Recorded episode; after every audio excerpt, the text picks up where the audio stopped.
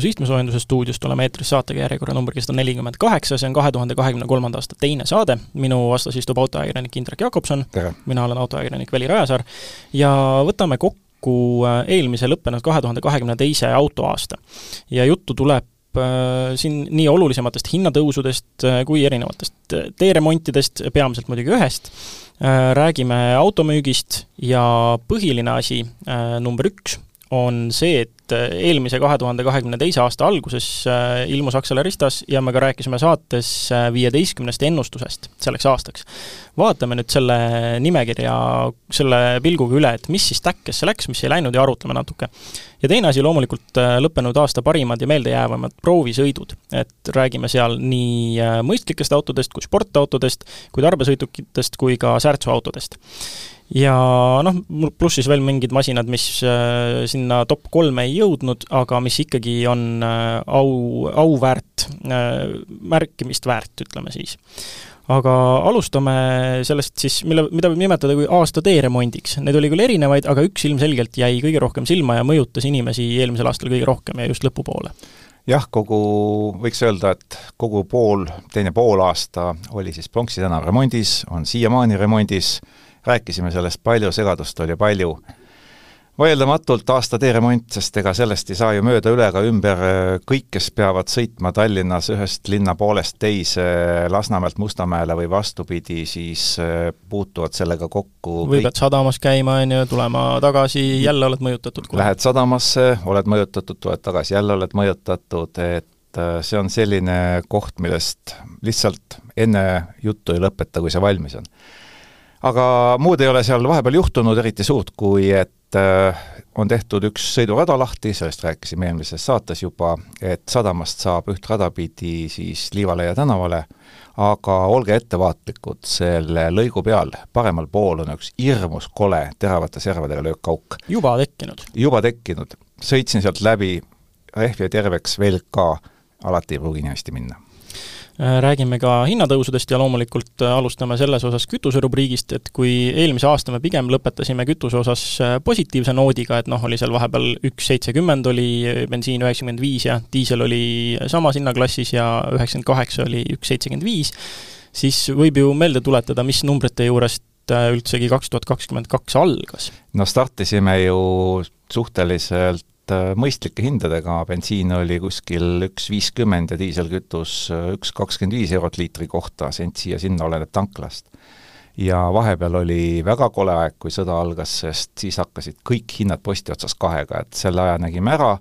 nüüd see üks seitsekümmend üks, seitsekümmend viis stabiliseerumine on juba noh, võiks öelda selline keskmine, me oleme harjunud sellega ja,. jah, just. aga aasta olulisim hinnatõus äh, kahtlemata on ikkagi tarbijahinnaindeks, mis oli lausa üheksateist koma neli protsenti ülespoole. jah, ei hakka siin kuulajate pead äh, segi ajama jahu- ja tangainete ja suhkru hinna tõusuga, mis on äh, ka üle viiekümne protsendi tõusnud aga meie jaoks on siiski kaks olulist asja, diiselkütus nelikümmend viis koma üheksa protsenti aastaga kallimaks, bensiin kolmkümmend protsenti aastaga kallimaks. noh, loodame, et järgmine aasta see hinnatõus pisut rahuneb, sest muidu küll enam varsti kõik inimesed sõita ei jõua aga sõita jõudmisest, autosid äh, jõuti osta küll, kuigi ka mõni saade tagasi või isegi eelmine saade rääkisime natukene, et automüük küll eelmise aasta lõikes äh, pisut kukkus, siis nüüd on teada ka see, mis mudeleid kahe tuhande kahekümne teisel aastal Eestis kõige rohkem müüdi. ja no ütleme siin väga nagu suuri üllatusi ei ole, aga alustame vast äkki autoklassidest. no autoklassides ei ole kohe üldse üllatusi, et äh, kõige suurema osaluse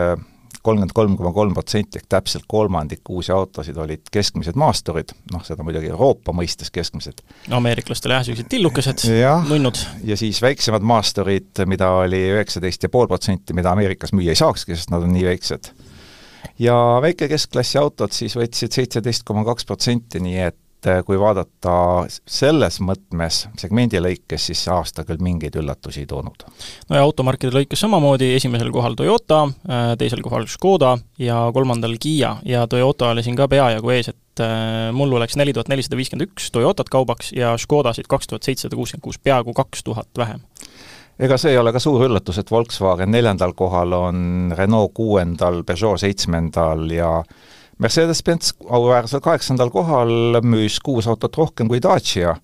Hyundai'l on eelmine aasta kehvasti läinud mm, esikümne lõpus, aga üllatab Audi, kes on viienda koha peal, noh paraku seal tuleb ilmselt arvestada, et tegu on ka mõningate suuremate ostudega, mis seda statistikat natuke ja just autopargi täiendamised erinevatel ettevõtetel. jah, sest Q2 ei ole muidu vaadates kuigi populaarne auto, aga see Audile eelmisel aastal ka selle kõrge koha tõi. Äh, kõige populaarsemad mudelid, jälle mitte mingit üllatust, no äh, kui seda statistikat veel avaldatud ei olnud ja ma kirjutasin seda artiklit üles kuskile, kusagil rääkisin sellest, ma, ma ei leidnud seda autot, mis oli esikohal, aga ma oleks võinud mürki võtta, et kui ma kirjutan Toyota RAV4, ma ei, ma ei pane mööda ja muidugi ei pannud, tuhat viissada kakskümmend neli RAV4 läks äh, lõppenud aastal kaubaks ja Corolla üheksasada kuuskümmend kuus. No ei ole, ole nii kindel midagi, sest Škoda Octaviat läks kaubaks kaheksasada kaheksakümmend kaheksa, mis on juba Corolla kandadele astuv ja Kodiaq siis äh, järgmisena kuussada kaheksakümmend üheksa. jaa, aga ikkagi põhimõtteliselt äh, pea, peaaegu veidi üle poole RAV4 müügist ja veidi allapoole vastavalt RAV4 müügist. jah, RAV4 vastu ei ole mitte midagi teha ei Kiia Sportage'il, Kiia Ceedil, Yaris Crossil, mida üllatavalt hästi on müüdud. jah, peaaegu pool tuhat, nelisada üheksakümmend kuus Toyota CHR-i, äh, kas põhjus on võib-olla selles, et äh, mudel läheb äh, mitte nüüd tootmisest maha, aga ütleme, et tuleb mudeli värskendus, hinnad soodsamad, ja Tiguan parima Volkswagenina üheksandal kohal ja kümnendal kohal leiame Dacia Dusteri. kolmsada nelikümmend seitse autot siis. napilt vähem kui Volkswagen Tiguani, mida läks kolmsada kuuskümmend kaheksa kaubaks. ja no kütuseliikide lõikes jällegi suuri üllatusi ei ole, peaaegu nelikümmend neli protsenti bensiin, kolmkümmend viis koma kaks tavahübriidid, viisteist protsenti täpselt on diiselautosid läinud kaubaks, elektriautosid neli koma kaksteist protsenti ja kuigi ta ei tundu palju, siis äh, oluline on see, et seda on ikkagi viiskümmend kolm protsenti rohkem kui kahe tuhande kahekümne esimesel aastal. aga see on siis nüüd äh, võrreldes ka nii uute kui ka pruugitud autodega, mis Eestis on registreeritud? jah, et äh, tuhat kakssada nelikümmend üks elektriautot äh, võeti registris arvele, aga see tähendab seda, et uusi autosid oli nendest pisut alla seitsmesaja, et pruugitud elektriautode osakaal on turul päris suur ja ei ole loomulikult küsimust, kes seda numbrit teeb, see on Tesla. sest Teslasid tuuakse Eestisse peamiselt pruugituna ja veel äh, väärivad mainimist ka poolteist protsenti pistikhübriidid ja siis äh, kurvalt null koma kahekümne kaheksa protsendiga CNG autod koos oma kurbade omanikega tõenäoliselt. jah, CNG autodega nüüd vist äh, me ei ole veel seda uudist teinud, aga räägitakse, et hind hakkab juba võrdsustuma bensiiniga sõitmisel, et ei olegi enam nii neetult kallis, et, CNG omanikud saavad oma gaasipaagi täis tankida ja siis sõitma hakata, aga hiljuti veel vaatasin posti otsas, äh, maksis see ikkagi kilogramm üle kahe euro, nii et seal on kõvasti arenguruumi allapoole. aga natuke musta statistikast lõppenud aastast samuti, viiskümmend hukkunut liikluses, aga noh, see on äh, ülejäänud eelnevate aastate lõigetes ikkagi, lõikes pigem nagu positiivne tulemus, aga hukkunute või vabandust, siis vigastatute hulk jällegi üle tuhande üheksasaja ei, ei ole eriti hea see ei ole ka üldse hea, sest äh, nii palju inimesi ei ole Eesti liikluses veel avariides varem viga saanud. viiskümmend on selline number, mul võib mälu petta, kas kaks korda on õnnestunud sellest väiksemat numbrit näha. Aga tegu on ikkagi suhteliselt väikse tulemusega, ilmselt on põhjus, äh, et meie autod muutuvad iga aastaga järjest turvalisemaks, see on tõenäoliselt üks see põhjus. Aga kui nendest suurest hulgast vigastatutest rääkida, siis äh, no sada nelikümmend kaheksa inimest on siis äh, plusspoole peal võrreldes eelmise aastaga. Ja kust see vigastatute kasv tuleb, nüüd on meie kuulajatel võimalus arvata, viis minutit, vabandust, viis sekundit, jah, loomulikult teil on õigus, tõuksid ehk siis kergliikurid igasugused, kolmsada kuuskümmend inimest sai viga, üks laps surnuks. et äh, see laps oli kolmeteistaastane poiss, sõitis isikliku elektritõuksiga Eh, kiirus võis olla hetkel, kui avarii juhtus, nelikümmend viis kilomeetrit tunnis, kiivrit ta ei kandnud ja rohkem ei olegi seal selles osas midagi rääkida. aga läheme siit äh, saate esimese põhiteema juurde ja see on äh, viisteist ennustust äh, eelmiseks aastaks, vaatame kogu selle nimekirja üle ja arutleme natuke, et mis siis läks täkkesse ja millega ikkagi me puha pange panime. et esimene ennustus selles nimekirjas oli noh, ütleme, see on, see, see juba toona tundus selline ilmselge ennustus, et võib juba ette öelda, et sellega mööda ei pannud, et elektriautode ja akude hinnad tõusevad jah, akude hinnad on hakanud vääramatult tõusma, teatavasti eelmisel aastal, üle-eelmisel eriti räägiti, et kohe-kohe tuleb sada USA dollarit kilovatt-tunni kohta, et see saab olema kõrgepinge akude maksumus ja see number jäi püüdmatuks ja ma arvan, et enne, kui tahkisakud tulevad, see jääbki püüdmatuks. praegusel hetkel eelmise aasta keskmine number oli sada viiskümmend kaks ummar, ümmarguselt USA dollarit ühe kilovatt-tunni kohta ja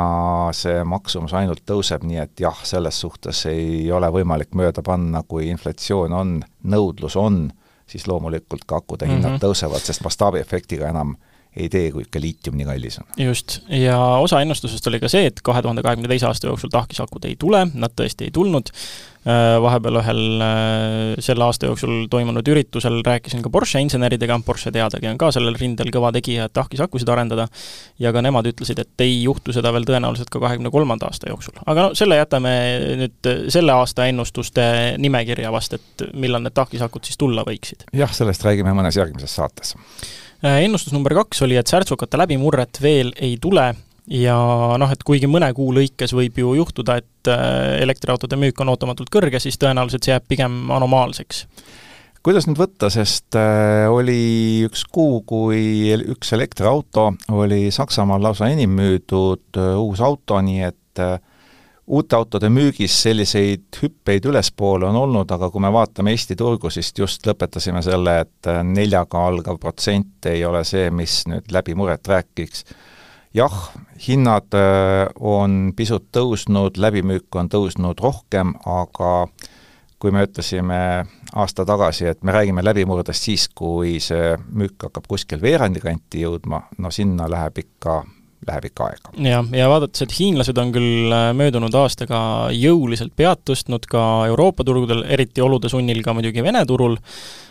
siis noh, maailma lõikes ikkagi tõesti ei, ei paista seda, et küll Tesla Model kolm on küll väga häid tulemusi teinud vahepeal, aga, aga jah, sinna, sinna läbimurdeni on veel pikalt minna Äh, kolmas ennustus oli, et elektriautode arvukuse kasv tekitab laadimisprobleeme. see on nüüd niisugune, niisugune ennustus, mida on, mida on natukene keeruline kommenteerida, jääme siin, siinkohal Eesti konteksti, on ju. Eesti kontekstis võiks öelda, et äh,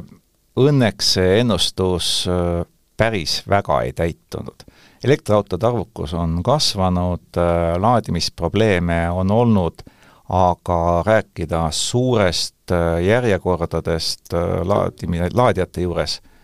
vara. praegusel hetkel me saame öelda, et laadimisprobleemid on veel ootel ukse taga tulemas ja elektriautosid ei ole nii palju juurde tulnud. tõenäoliselt on põhjus ka selles, et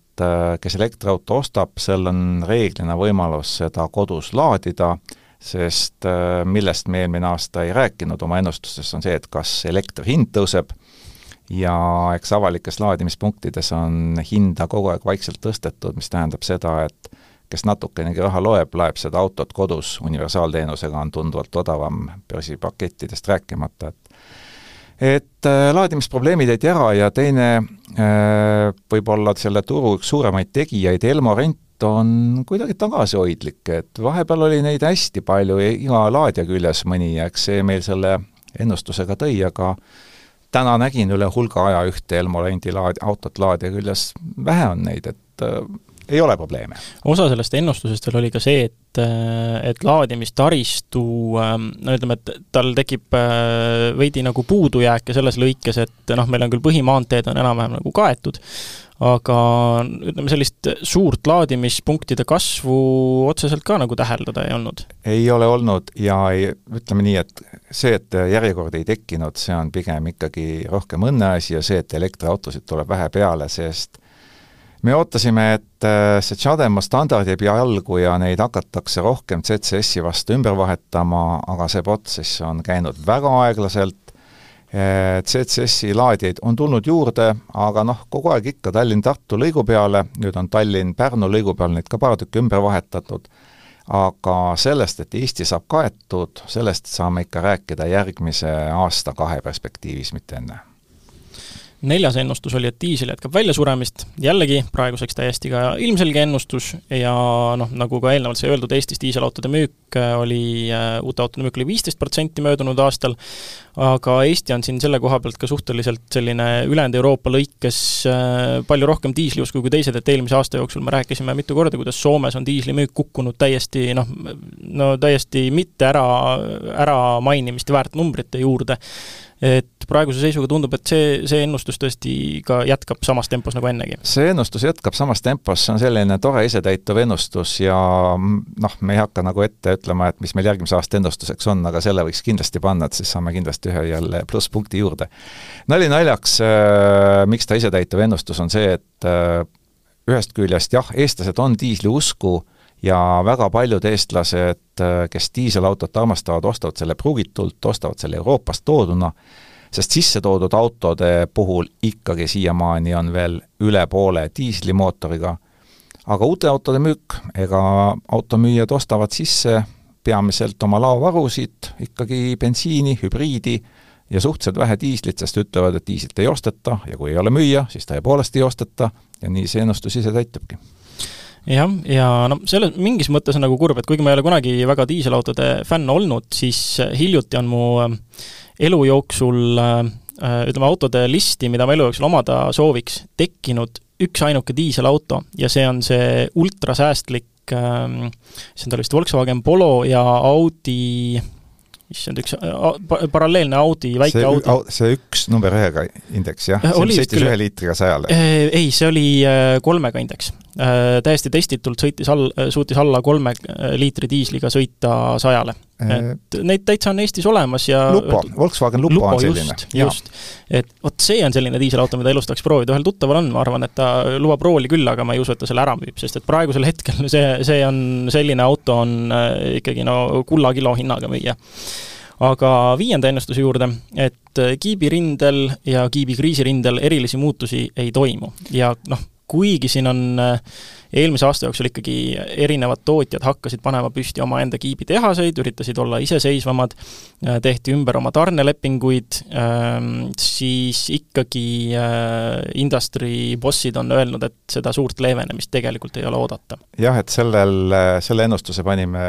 kahjuks täiesti täppi, et eriliste muutusteta väikesed muutused paremuse poole on, aga kui me vaatame seda,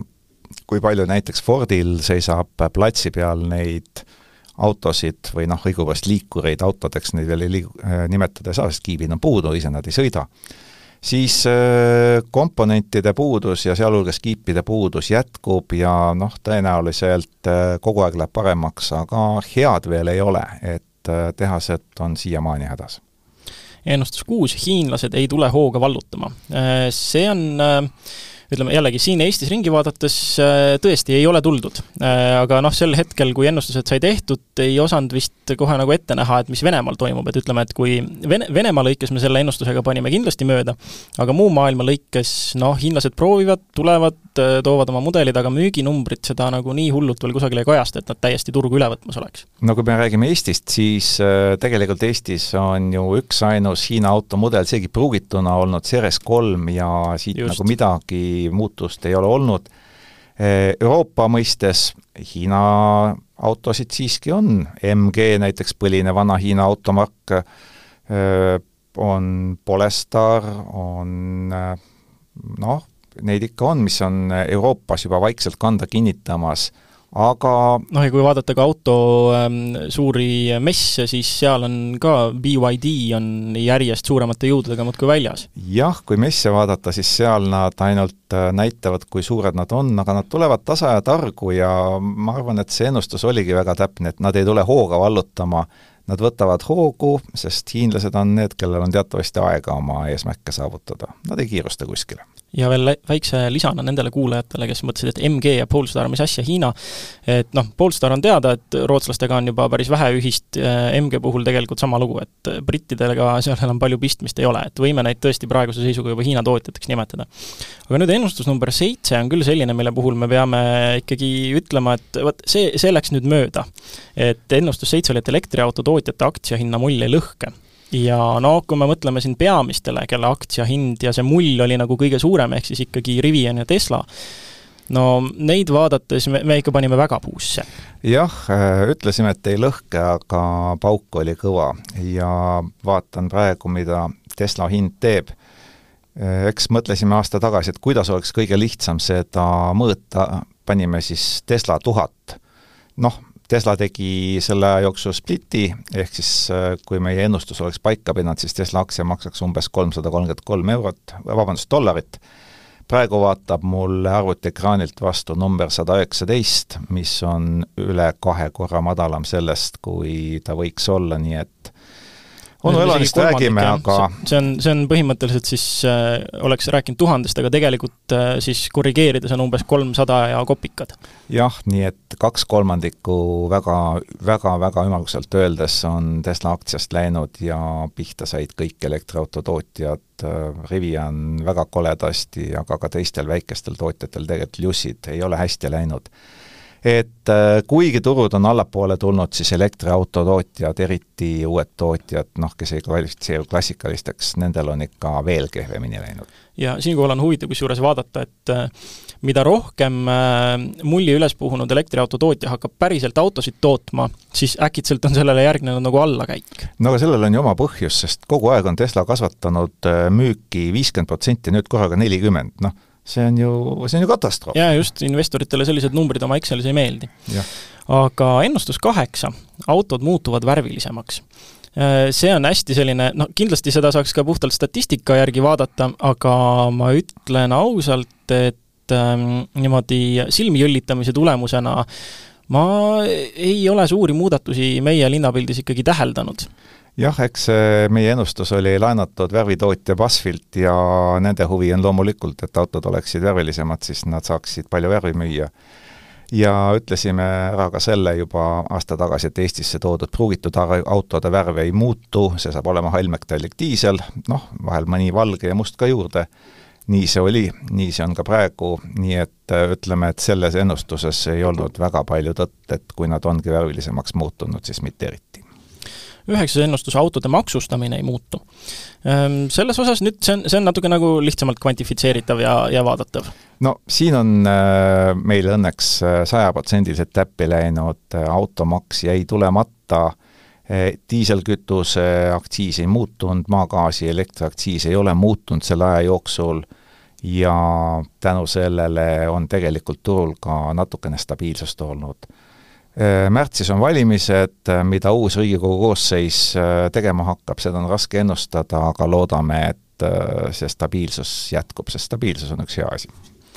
ennustus kümme, käsikasti allakäik jätkub ja siinkohal jällegi äh, seda on näidanud igasugused äh, trendid, see ei olnud raske ennustus, mida teha ja kui me jõuame saate teises pooles äh, sinna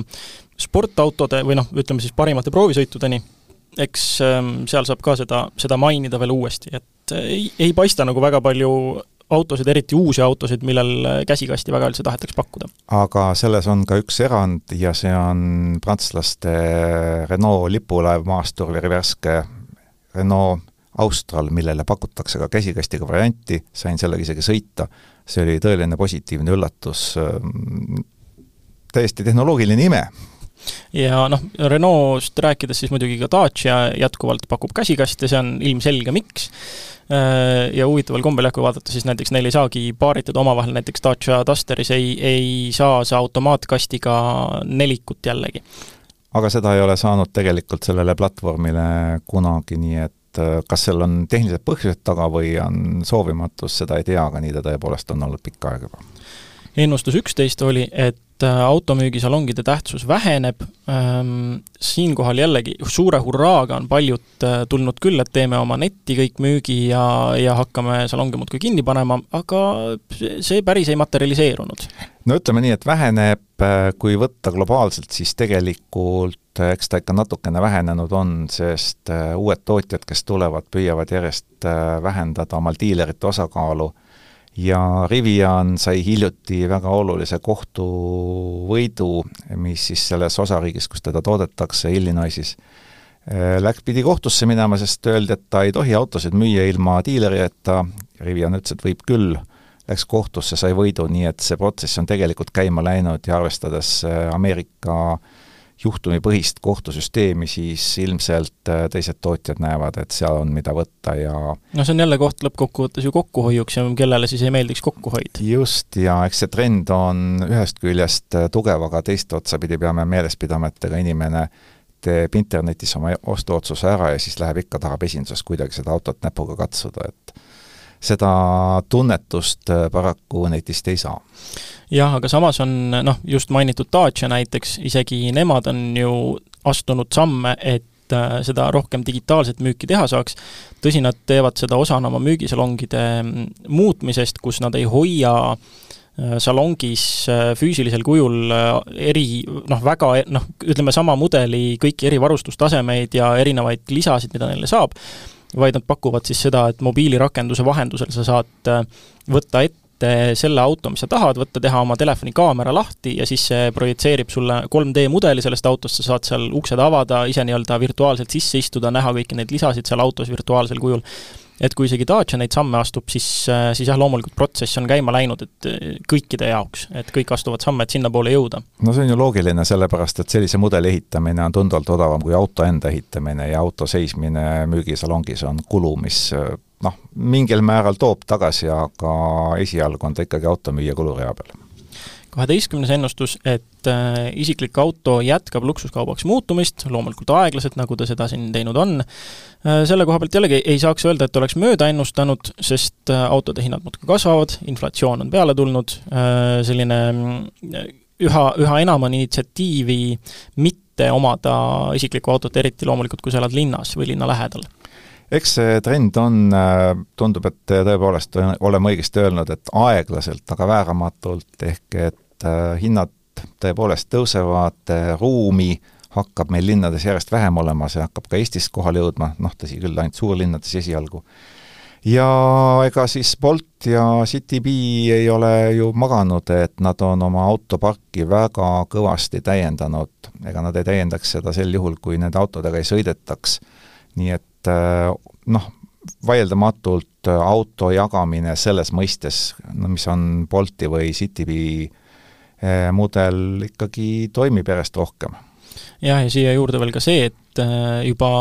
paar aastat vana ennustus, kui ma õigesti mäletan, siis Toomas Vabamäe vana tuntud, ütleme siis Eesti autoajakirjanduse grand old man, tema ütles samamoodi, et jah, et räägitakse küll, et elektriautode hind võrdsustub sisepõlemismootoriga autode hinnaga, aga jällegi nagu näha, sisepõlemismootoritega autod, autod lähevad lihtsalt kallimaks ja elektriautode hind äh, tegelikult jätkab ka samamoodi tõusutrendi. et nad lihtsalt ühtlustuvad, aga mitte tarbijale sobival viisil, et see kindlasti äh, veelgi enam äh, muudab seda autot luksuskaubaks. jah, ma arvan, et Toomas Vabamäel on selle ennustusega õigus, õnneks või kahjuks, oleneb, kelle vaatenurgast vaadata, see veel ka kohale jõudnud ei ole, aga eks vaatame, mis aastal me selle oma tuleviku ennustusse paneme kolmeteistkümnes ennustus oli, et autodes üleliigne väheneb, igasugune üleliigne varustus, selline üleküllus, mõttetu priiskamine Äh, mina siinkohal äh, väga kiidan, jälle kord kolmandat korda vist pean mainima Daciat, et nende lähenemist askeetlikkusele ja sellele, et väga lihtsalt saab täita kõik tarbijate vajadused ilma meeletult auto hinda tõstmata, ja ma väga loodan, et see trend ka teistele tootjatele kuidagi levib, et äh, nagu varem juba oleme arutlenud, siis äh, praegusel ajal, kui autode, isiklike autode äh, teemal räägitakse väga just keskkonnasäästust, siis üks äh, mõistlikumaid viise seda keskkonnasäästu teha ei ole mitte ainult elektriautod, vaid ikkagi askeetlikud, lihtsad, kerged autod, mille tootmiseks ja ülalpidamiseks ei kulu äh, liialt palju materjale. ja ei kulu liiga palju kiipe, mida ei ole saada, ja liiga palju peene detaile, mille tõttu autod jäävad oma viimast kiipi ootama vihma kätte, nii et äh, jah, see on vääramatu trend nii siin kui seal ja ega autotootjad seda hea meelega ei tee, aga lihtsalt elu sunnib. jah, just, ja see ka, et noh, kiibikriisi tõttu, kui saad mingi masina valmis, siis äh, ega see auto ostja, noh, ütleme, oli huvitav aasta auto ostjatele ka selles mõttes, et äh, sa oled ikka harjunud, et kui sa uue auto ostad, sa marsid salongi, sul on raha ja sa ütled, ma tahan seda, seda, seda toda, pange kokku, ma ostan ära, ärge sisse pakkige, hakkan kohe kasutama, ja nüüd on olukord, kus müügisalongis öeldakse vastu, aga vot sellist ei saa. või kui saab, siis pooleteise aasta pärast. et äh, ütleme, need tarbijate valikud on äh, ahtamaks muutunud ja mina tegelikult äh, sellist lihtsat autot eelistava inimesena, mul ei ole selle vastu mitte midagi jah, ega see valik tegelikult muidugi väga ahtaks ei ole muutunud, sest äh, kui sul on seda raha natukene rohkem kui lihtsalt auto ostmiseks, siis äh, on autotootjaid, kes teevad sulle täpselt sellise auto, nagu sa tahad ja toimetavad sul koduukse ette ka, kui sa selleks soovi avaldad neljateistkümnes ennustus oli, et linnamaasturite võidukäik peatub. Äh, ei peata. isegi nagu väga niisugust aeglustumise trendi ei olnud täheldada et.... jah, et me vaatasime seda natukene sellise no, läbi roosade prillide võib-olla. ja või lihtsalt autode muutumise seisukohalt, aga just äh, saate alguses lugesime ju müüginumbrid ette ja sealt äh, ei ole näha mitte mingisugust peatumist ja no ju siis nii on, praktilised autod järelikult inimestele meeldib, midagi pole teha, tuleb müüa, ostavad jah, just, ja isegi, isegi kui vaadata uusi mudeleid ja seda kirjeldatud trendi, et noh, et sedaan kui selline on pigem kaduv nähtus, aga tehakse igasuguseid laugpärasid, kõrgemaid laugpärasid,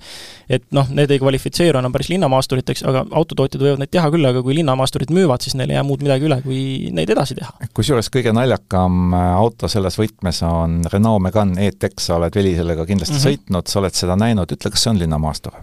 no minu jaoks küll ei ole no mina võtan ette selle auto tehnilised andmed, mida Renault väga avalikult noh, näidata ei taha, selle auto clearance on kolmteist koma kolm sentimeetrit. Toyota Corolla eh, noh, selline tase umbes. et ta jah. näeb, nagu oleks linnamaastur ja iseenesest on Renault mõnes müügimaterjalis teda isegi sellisena kutsunud, aga tegelikult on täiesti tavalise sõiduautoga, milles lihtsalt natukene keres on rohkem ruumi viieteistkümnes ennustus oli selline väga lahtine ähm,, aga ühesõnaga ennustus, et autoralli kui selline jätkab ettearvamatu olemist ja tegelikult läksime ju oma ennustusega täiesti täppi, sest kes oleks äh, aasta tagasi arvanud, et Rovanpera nagu maailmameistriks tuleb ja et äh, Tänak suudab siiski ennast leida ja teise koha välja võidelda kõikide tehniliste probleemide kiuste. ja veel vähem me oskasime arvata, et Tänakut nüüd juba ma ei tea, mis siin on siis, äh, üheksa päeva pärast näeme M-spordi radades võistlemas, nii et päris ettearvamatu oli see autoralli aasta ja tõenäoliselt ettearvamatused jätkuvad. jah, see on selline lihtne ennustus, mida täkkesse panna, ma arvan, et see tuleb lisada ka järgmise, käesoleva aasta listi, et autoralli jätkab ettearvamatu olemist. aga, aga noh, olgu ta nii lahtine kui tahes, selles osas tõesti nii oli. aga need olid need viisteist ennustust, meie uus käesoleva aasta ennustuste nimekiri tuleb noh, ma ei, ma ei taha nagu päris kuupäeva külge panna, aga lähiajal ma tahaks loota, et saame selle siin jaanuari jooksul maha. Ja veel asi, mida lubada, on, et me saame jaanuari jooksul maha ka oma möödunud aasta parimate proovisõitude looga. et alustame aga sellest, et me loeme nad ikkagi saates ette ja siis küll me nad ka looks vormistame järgnevalt siin mõne nädala jooksul. Aga oma edetabelit alustame siis äh, mõistlikest autodest, see on puha Indreku soolo, ma võib-olla midagi vahepeal lõikan vahele, aga Indrek need autod välja valis ja alustame sellise loogikaga, et äh, auväärt mainimistest hakkame tagantpoolt pihta ja siis kolm, kaks ja üks. Jah, et räägime kõigepealt nendest autodest, kes küll tõepoolest äramainimist väärivad, aga esikolmikusse ei pääsenud. no kellest alustada, Citroen C5 Aircross äh, ainus üks põhjus, hind ei võimalda, kuna tegu on ikkagi Citroeni jaoks kas ametliku lipulaevaga või siis vähemalt äh, ühena kahest lipulaevast, olgugi et Citroenil on sellest Stellantise kontsernist suhteliselt odavamate autode tootja maine, siis hind ei võimalda. muide, mis no, hinnast me jah, räägime? just täpselt tahtsin küsida, et äh, eelmine aasta sa tõmbasid piiri, oli kahekümne viie tuhande juurde vist? eelmisel aastal oli kakskümmend viis tuhat ja nüüd sel aastal nüüd sellest ei saa nagu eriti midagi? tulenevalt inflatsioonist äh, tõstsime seda piiri viie tuhande võrra, ehk et sisse mahuvad need autod mõistlike autode kategooriasse, mille kõige odavama versiooni hind on kolmkümmend tuhat eurot või vähem et üle selle on juba natukene kallimopoolsed autod. no ja näiteks väga okei auto oli, on ju Opel Grandland ja see samamoodi vist napilt ei, ei mahu sinna piiridesse. just täpselt, auto on hea, sõidab hästi, omab ka kallimas versioonis maastikuvõimekust ja mis pistikhübriidi juures oluline, ka päris pikalt äh, saab selle akuga sõita, selles suhtes on Stellantis täiesti korraliku toote teinud, aga hind jah, selle hinnaga mõistlike autode hulka paraku ei pääse. siis järgmine, kes äh, võiks kindlasti olla üks paremaid esindajaid, Volkswagen T-Roc, aga jälle see hind. Ja siis juba korra saates mainisime Renault Austral, paraku temal on see probleem, et autosid ei ole veel kohal, nii et kui me ütleksime, et see auto on väga tore, siis inimesed läheksid esindusse nõudma autot näha, siis seal seda veel ei ole. oodaku, võib-olla järgmisel aastal saab see päris korraliku koha. Citroen C5X, äh, mitte CX5, vaid C5X,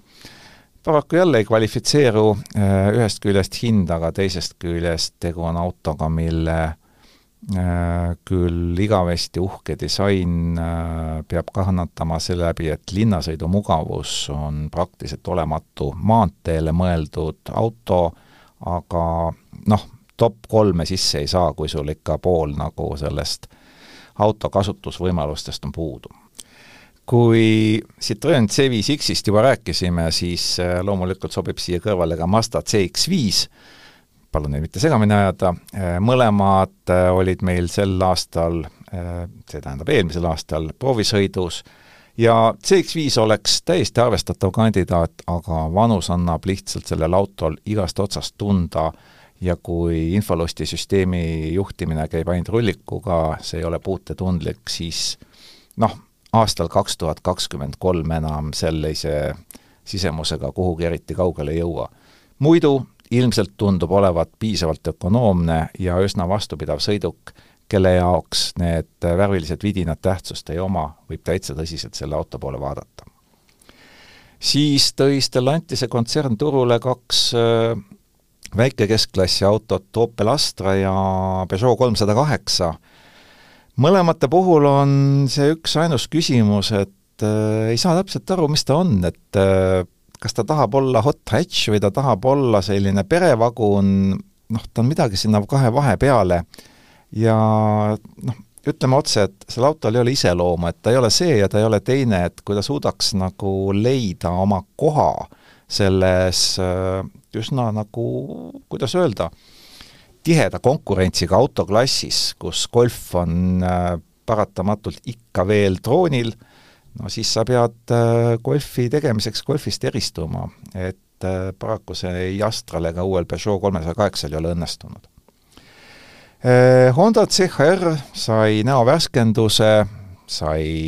päris korralikud müügitulemused, aga hind ja disain äh, on need, mis paraku ikkagi enamikule inimestele ei ole väga vastuvõetavad. kes oli väga tubli ja kui top kolm tegelikult, top kolmes oleks rohkem ruumi, siis Kiia Sportage võiks sinna küll mahtuda, et äh, selle raha eest on seal hästi palju autot, et see on küll üks tubli saavutus eelmisel aastal. ja kui nagu joonealused äh, kokku tõmmata, siis Suzuki S-Cross üks lõpuni aus auto, nelikveoline, mm, mahuks ka hinna poolest sisse, tal on ainult üks viga, et selle raha eest saab liiga vähe autot. et ta on küll äh, igavesti aus auto, aga mugavust natukene napib, et ikkagi top kolme sisse pääseda selle raha eest. aga vaatame siis selle top kolme lõpuks üle, kes sinna siis pääsesid. kolmandal kohal Kiia Niro auto, mis äh, eelmine sai nüüd täielikult äh, teise põlvkonnaga kardinaalselt teise disaini, kui eelmine põlvkond oli pehmelt öeldes näotu, ei, ta ei olnud kole, tal lihtsalt puudus igasugune iseloom oma välimuses, siis uus Kiia Niro on ilus, ta sõidab väga hästi, ta võtab vähe kütust, tal on hübriidajam, tal on väga palju ruumi selle pisikese auto kohta ta noh, ärme kutsu teda linnamaasturiks, ta on ikkagi selle jaoks suhteliselt madal ja esiveoline. varsti tuleb tal temast ka elektriauto versioon välja, nii et ta on selles suhtes universaalsõdur, ja kui me paneme need komponendid kokku, siis äh, selle raha eest nii palju autot pakuvad vähesed. ja teiselt kohalt, kelle me leiame? Volkswagen Taigo, kes oli selle aasta üks suuremaid üllatajaid noh, alustame võib-olla disainist, äh, kupeekere või kupeemaasturi kere, mis on praegusel hetkel moeröögatus, aga ei saa salata, et see näeb hea välja. teise asjana sellel autol on uuesti tagasi toodud, ma ei tea, kas Volkswagen käis äh, varuosa laos ja leidis, et mõningaid juppe on üle, on normaalne rool, normaalne kesk, keskipisteekraan, on keeratavad nupud, ei ole seda haptilisust ja kõigele lõppu krooniks auto sõidab hästi, millega on see saavutatud, raske öelda, aga kõik on Volkswagenlik selles heas mõttes, nii et teine koht on auga ära teenitud. ja esimene koht vist nüüdseks, auto, mida ei ole mainitud ja kuulajad on tõenäoliselt katki hammustanud, mis sealt leiab, seal ei ole üllatusi? jah, seal ei ole üllatusi, esikohale tuli auto, millega esimene kokkupuude juba eelmise aasta jaanuaris ütles, et see on võitja ja siin ei ole mitte mingisugust kahtlust ja nii ta ka on. see on auto, mis tuli müüki ja vahetas ühe korraga välja tervelt neli eelkäijat. et auto, mis tahab olla ühe korraga pereauto, mahtuniversaal, maastur ja kaubik, noh, nüüd ei ole enam raske ära arvata, Dacia Jogger,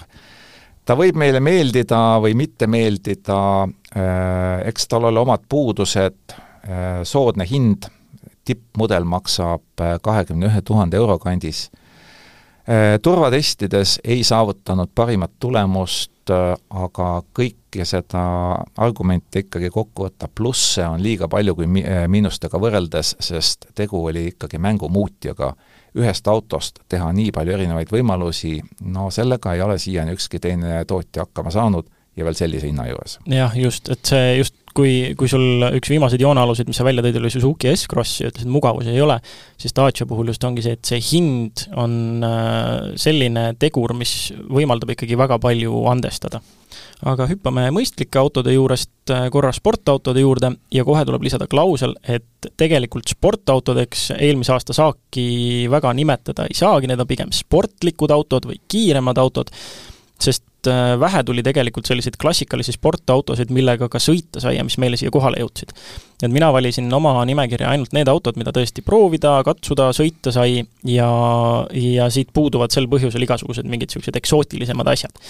Äh, paraku eelmise aasta saak oli jah, selline kidur, äh, tuli peamiselt kiireid linnamaastureid, milles ei ole mingeid üllatusi, ja minu top kolmes paraku on kõik kiired linnamaasturid. Äh, et ütleme, kui valikut oleks rohkem olnud, siis see, siis see nimekiri kindlasti selline ei oleks. Äh, eelmisel aastal näiteks äh, mõned õnnelikud autoajakirjanikud said proovida uut Kaimanit neljaliitrise mootoriga, minul jäi see kuidagi kuidagi proovimata ja mm, ma olen selles osas päris kurb, sest et noh, ilmselgelt tegelikult see oli eelmise aasta sportauto. aga paneme ta vähemalt joone alla, et märgime ta ära, et ta on auto, mis äh, on kindlasti mainimist väärt. oleks sõita antud, siis, siis oleks, siis oleks ta kindlasti siin nimekirjas esikohal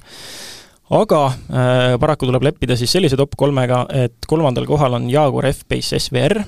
kui äh, meenutada nüüd seda saadet, kus me tast rääkisime, siis äh, tal olid igasugused omad huvitavad miinused, peamiselt see Jaguari äh, ennustav, ennetav nelikvedu, mis ei tee kuidagiviisi juhiga tegelikult koostööd, mis ei ole ettearvatav, ma mäletan, et ma ütlesin lause, lause, et luurele temaga ei läheks, ja täpselt nii ongi, aga ometi mahtus ta siia top kolme ära, see võtab jälle kord kokku, kui, kui ähm, ahtaks see saak jäi, et eelmisel aastal tuli vist lõppkokkuvõttes Eestis turule seitse uut sportlikku mudelit ja sealhulgas oli ka Audi RS3, jällegi sõita ei saanud, äh, tuletame meelde seda ähm, Audi arvustuste skandaali Eestis, äh, siis äh, ta tõenäoliselt noh, ma ei, ma ei tea ka, kas ta oleks siia platseerunud kuidagi, kui oleks ka sõita saanud temaga, Äh, seal mingil hetkel tuli uuem Volkswagen Golf R, jällegi ei saanud sõita, äh, et noh, need sellised masinad jäid sealt äh, puht sel põhjusel juba välja. Jaguar F-Pace SVR-i suurimaks boonuseks muidugi on suur V8 mehaanilise kompressoriga, suurepärane hääl, et ei teine ega esimene koht sellele häälele vastu ei saa, küll aga sõiduomadustelt saavad. teisel kohal Porsche Cayenne Turbo GT see oli see auto, mis ähm, tõestas mulle, et ähm, ka majaga saab võidu sõita. et tuletame meelde seda kuulsat ütlust, et äh, miks keegi peaks ostma endale väga kalli sportauto, puhtalt sellepärast, et äh, sportautos saad sa magada, aga majaga ei saa sa võidu sõita, see auto tõestas, et saab. ja, ja väga positiivselt üllatas just oma juhitavuse poolest, kahe koma kolme tonnine auto, aga jätkuvalt Porsche tark veojõu jagamisega nelikvedu, adaptiivne vedrustus, nelikroolimine, kõik sellised toredad asjad annavad talle palju rohkem sellist agiilsust juurde, mida sellise massiga autolt tegelikult ei ootaks, et ta sõitis kuivas ikkagi väga mõnusalt. Siia tegelikult joone alla võiks veel märkida Mercedes-Benz EQE AMG, mis äh, lugu on meil küll veel kirjutamata, sest äh, tegu on võrdlustestiga ja ootab oma vastast äh, kahjuks kuni märtsikuuni. sellegipoolest rääkisime sellest autost istmesoojenduse saates ja võiks öelda, et kui rääkida nelikroolimisest, jah, ja kui rääkida massist, väga jah. jah, et sarnasused. jah, et tegemist on ka kindlasti autoga, mis võiks sportlikuks kvalifitseeruda puhtalt oma AMG paketi tõttu. jah, just, et äh, inseneritehnoloogia on jõudnud sellisele tasemele ikkagi, et äh, auto massi on äh, väga kergesti võimalik varjata, jah, hoolduskulusid ja üleüldist kuluosade kulumist ei ole võimalik varjata, aga nii pikad meie testsõidud ei ole, et seda näha ja seda sellise auto omamise valu aga sellegipoolest see Turbo GT siia jõudis, sest tõesti tegelikult see emotsioon, mis temast jäi, oli ootamatult äh, ülev ja ka kõigil, keda ma kaasa loksutasin selles autos, samamoodi olid väga üllatunud ja oleks äh, kuival kiiresti sõites pakkunud selle auto massiks viissada kilogrammi vähem vähemasti. et ta, ta suutis jätta mulje tõesti kui niisugusest tuhat viissada kuni tuhat seitsesada kilo autost. aga minu äh, testitud Porsche Macan äh,, kas see kvalifitseerub ka sportlikuks autoks? no ütleme, selliseid äh, Porsche linnamaastureid võiks siia nimekirja võtta ühe ja Macani selline, ütleme, vaniljeversioon tõenäoliselt äh, ei, ei kvalifitseeruks, et võtame ikka selle Turbo GT. jah, et sellepärast teda siin ei olegi. just. Äh, aga esimesel kohal peamiselt oma positiivsete üllatuste osas just, just selles, et ma olen seda marki varem väga palju sarjanud ja selles autos olid peaaegu kõik need äh, muidu reeglipärased autost autosse äh, miinused peaaegu et täiesti likvideeritud. ja see auto on Cupra Formentor VZ5 erimudel äh,, Audilt äh, laenatud äh, rida viie ja turbokaga ja see, see oli positiivne elamus just sellepärast, et äh,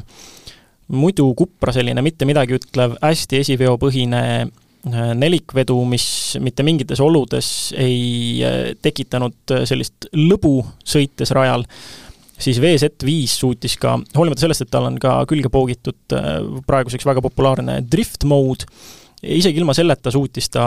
tegelikult lihtsalt seda autot surudes rajal kiiresti sõites, kiiresti kurvist väljudes ja äh, väga sellise lahke gaasijalaga ta, ta suutis ülejuhitav olla ka ilma mingi drift mode'ita ja väga lõbusalt äh, sõidetav auto. kuna selle autoga saime sõita mõlemad ja päris pikalt, siis äh, positiivseid emotsioone kogunes hulgi ja kuna Cupra Formentor on paberite järgi linnamaastur, siis äh, mina võtsin temast kõik seda, mis äh, ühest autost nagu tavakasutusse kuulub, sealhulgas äh, maastikusõit, milleks ütleme kohe ära, et selleks ta kohe üldse ei kõlba. et maasturit temas ei ole rohkem kui Volkswagen Golfis. jah, ütleme, need, seega siia, siia sportlike autode listi sobitub ta ta igatahes. ja veel boonuseid, mis, miinuseid, mis olid likvideeritud, ähm, automaatkäigukast toimetas lõpuks nii, et ta ei töötanud mulle vastu, see oli jälle, mida, mida ma olen vähemalt äh,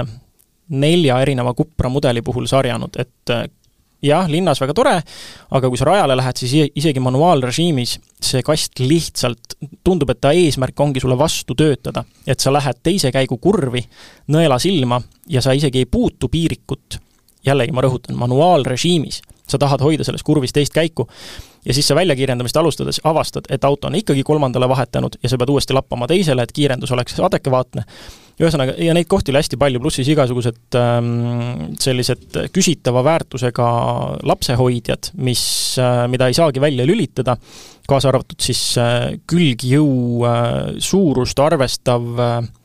ma ei teagi, kas seda, seda ei saa veojõu kontrolliks ka päris nimetada, kui ta lihtsalt gaasipedaalilt jõu ära võtab. et seda oli kõikides Cupra mudelites eelnevalt tunda, VZ5 seda ei teinud. ja ainuke suur miinus, mis talle jäi, ongi, mida ma kutsun Volkswagen AG-ismiks, mis, mis kummitab äh, põhimõtteliselt kõiki Volkswageni grupi äh, kiiremaid autosid,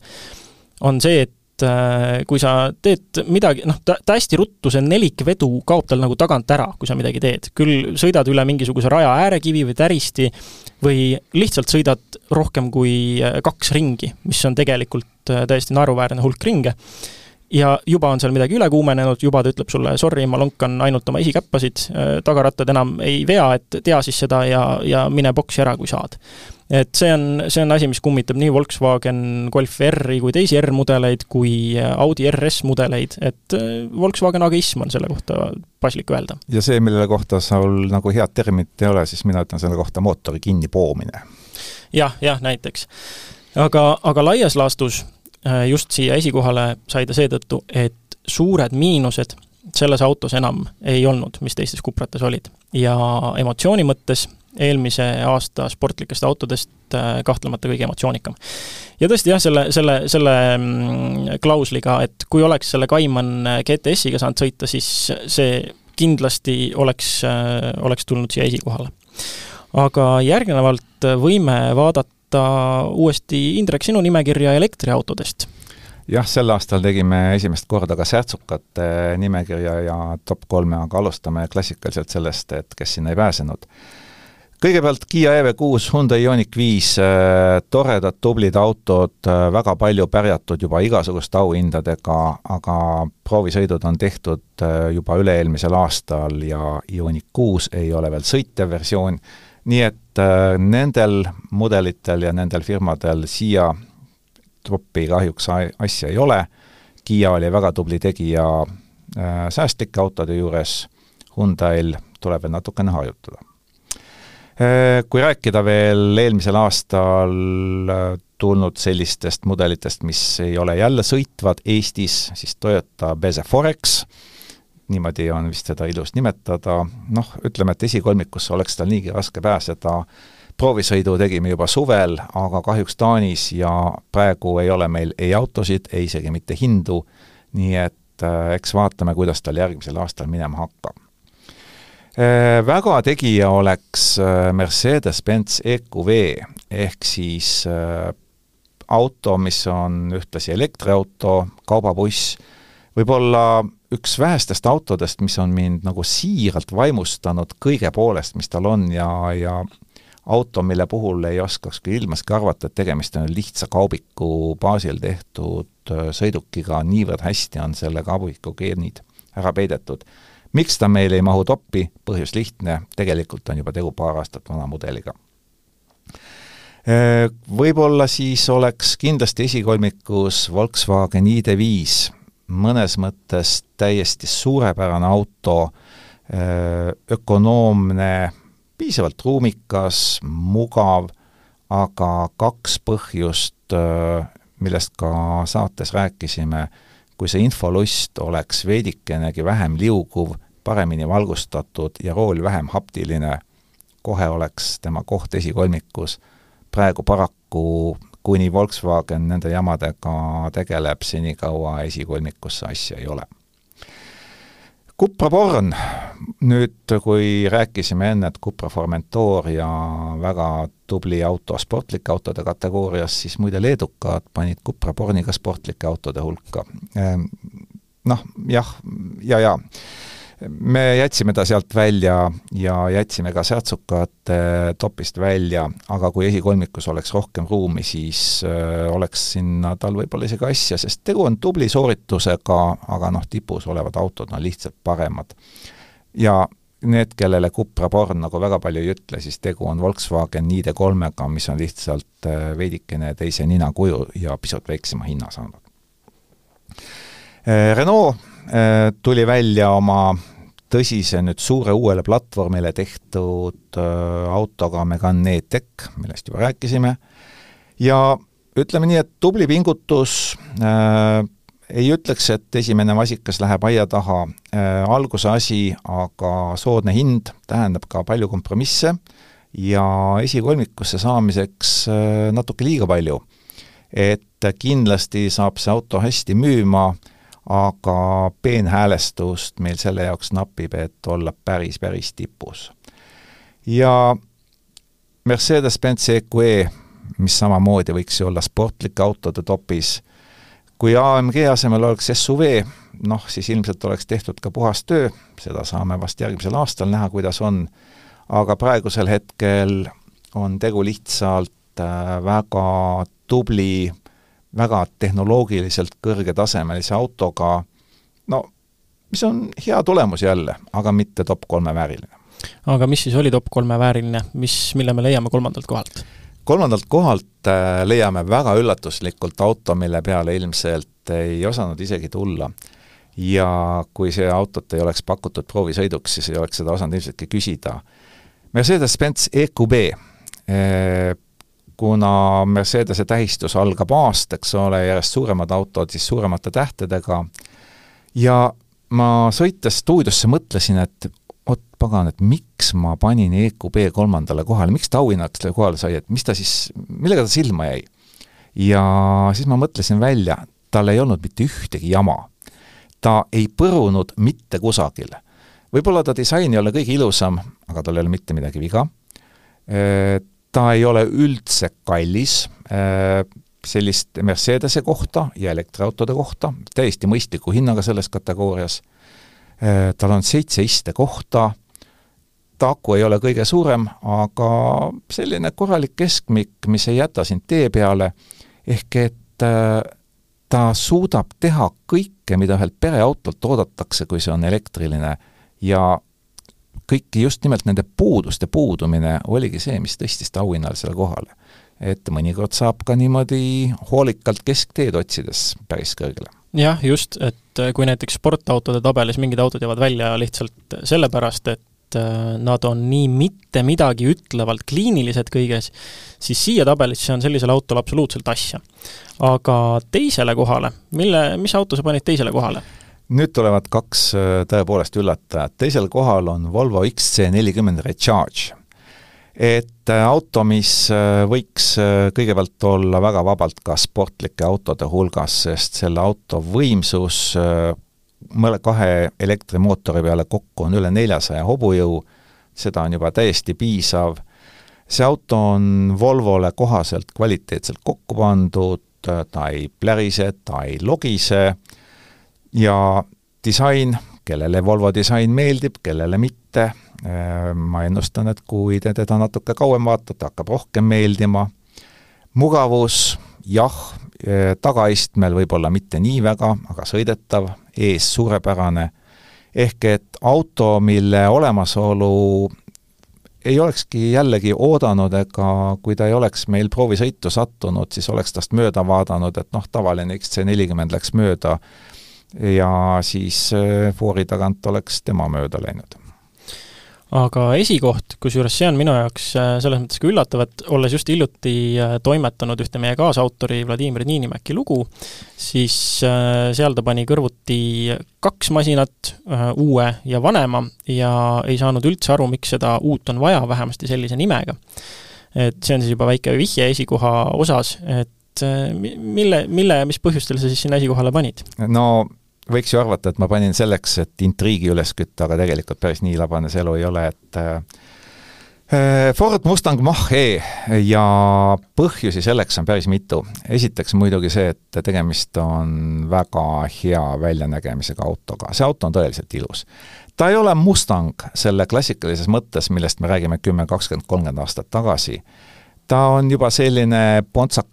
pontsakavõitu linnamaasturi moodi toode aga tal on piisavalt võimas mootor, tal on nelikvedu, ta mahutab šaatanlikult palju, sa võid sinna panna kõik lapsed, ämma ja kõik sinu kodinad, mis sul on, ja sellega sõita teise Eesti otsa ja sa saad, ta saab sellega hakkama. et äh, tegu on autoga, mis äh, suudab kombineerida elektrilisuse, hea väljanägemise ja kõik mõistlikud kasutusomadused. Tõsi, hind on pisut soolasevõitu, et äh, see võiks võib-olla olla see põhjus, miks teda ülemisest äh, kohast natukene allapoole kiskuda, aga siiski mitte, et äh, elektriauto, mida on müüdud Eestis väga vähe, aga mis on ilus, võimas, nelikveoga, mahutab palju ja on lisaks sellele Mustang. jah, kusjuures vaatasin just Vladimiri lugu toimetades neid hindasid, et et selle ajaga, kui sinu arvustus välja tuli ja tema oma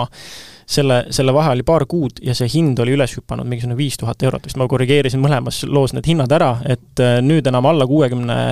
kuuskümmend kopikatega, kas oli kuuskümmend kaks, midagi sellist, alla selle enam ah-heed ei saagi tegelikult. jah, Volvo XC40 Recharge'i peaks saama ka odavamalt, kui vahepeal ei ole jälle hinda jõutud tõsta, aga sel juhul on tegemist muidugi lahjema versiooniga, et see kõige kõigem versioon on küll üle kuuekümne tuhande ja selle saate lõpetuseks võtame ette ka eelmise aasta parimad uued tarbesõidukid, äh, siin äh, pean olema Uku Tampere suuvoodriks ja temal oli tarbesõidukite vaates umbes äh, samasugune dilemma nagu minul sportlike autodega, et eelmine aasta oli ikka no, no niisugune väga nutune selles valdkonnas. et kuigi tuli palju juba olemasolevate tarbesõidukite elektrilisi versioone, siis äh, noh, päris uueks autoks see otseselt nagu ei kvalifitseeru küll aga oli suurte tarbesõidukite turul uuendusi, näiteks äh, Volta Trucks esitles äh, oma uut mudelit detsembris, aga jällegi Uku sellega sõita ei ole saanud, nii et ütleme, et temal tarbesõidukite vallast võib seda öelda mööndustega top kaks, aga pigem lausa ainult top üks. et Äh, ta mainis ära ka Dacia Joggeri, sest nagu sa juba ise ütlesid, see kehastub põhimõtteliselt kõigeks mahtuniversaaliks, soovi korral ka tarbesõidukiks, ja Uku on Dacia Joggerit mitu korda pikalt testinud, mitu pikka lugu on Acceleristast leitavad tema sulest, ja see oli tema siis, ütleme, auväärt äh, teine koht ja teisi masinaid vist oli, oligi nii vähe lihtsalt, et ei, ei, ei saanudki midagi nagu väga välja tuua. ja tema vaieldamatu lemmik tarbesõidukite vallas eelmisest aastast on Renault Kangoo ja seda mitmel põhjusel. See on, üks on see, et see on veel üks viimaseid tarbesõidukeid, mida saab äh, uuest peast diiselmootoriga. Kanguul on ühe koma viie liitrine diiselmootor, mille, millega saab täiesti vabalt äh, ilma pingutamatagi hakkama alla viieliitrise kütusekuluga sajale. Äh, lisaks on see Uku hinnangul nii hea, et noh, ja ka täiesti põhjendatult nii hea, et ta on Mercedes-Benzi tarbesõiduki baasiks ja Uku arvates on see niivõrd hea auto, et kui enamus sinu sõite toimuvad üksi või kaksi, siis miks ei võiks olla ka igapäevaauto tegelikult selline pirukas. et seda praktilisust jagub tal ja samas saab säästlikult sõita, üks viimaseid uusi diiselmootoreid, isegi Citro-, äh, Citroen Berlingot ei saa enam äh, osta diiselmootoriga. ja samas, kui see ei ole Kangoo kasuks argument, et tal äh, diislit saab, siis sellest on olemas ka e-tech versioon täiesti täiselektrilisena. Kui Renault Kangoo eelistest veel midagi üldse juurde lisada, siis seda, et sellest tehakse väga mitmeid versioone, on täiesti reisijate veoversioon olemas, aga on ka selline kaubik, millel ei ole B-piilarit, ehk et sul on hästi suur küljeuks ja kui juhi kõrval istuv iste välja võtta või alla klappida, siis on tegelikult tohutu laadimisruum külje pealt, mis teeb selle pisikese auto veel kasutamise eriti mugavaks. aga see oli meie eelmist aastast, aastat kokkuvõttev saade, ennustused, parimad proovisõidud, nagu lubatud, paneme need ka Accelerista portaali lähiajal kirja, et neid ka lugeda saaks seniks aga selline oli saade sada nelikümmend kaheksa, juubelisaade ei ole kaugel ja tänan, et kuulasite ja loodan, et kuulate ka järgmine kord. Kuulmiseni!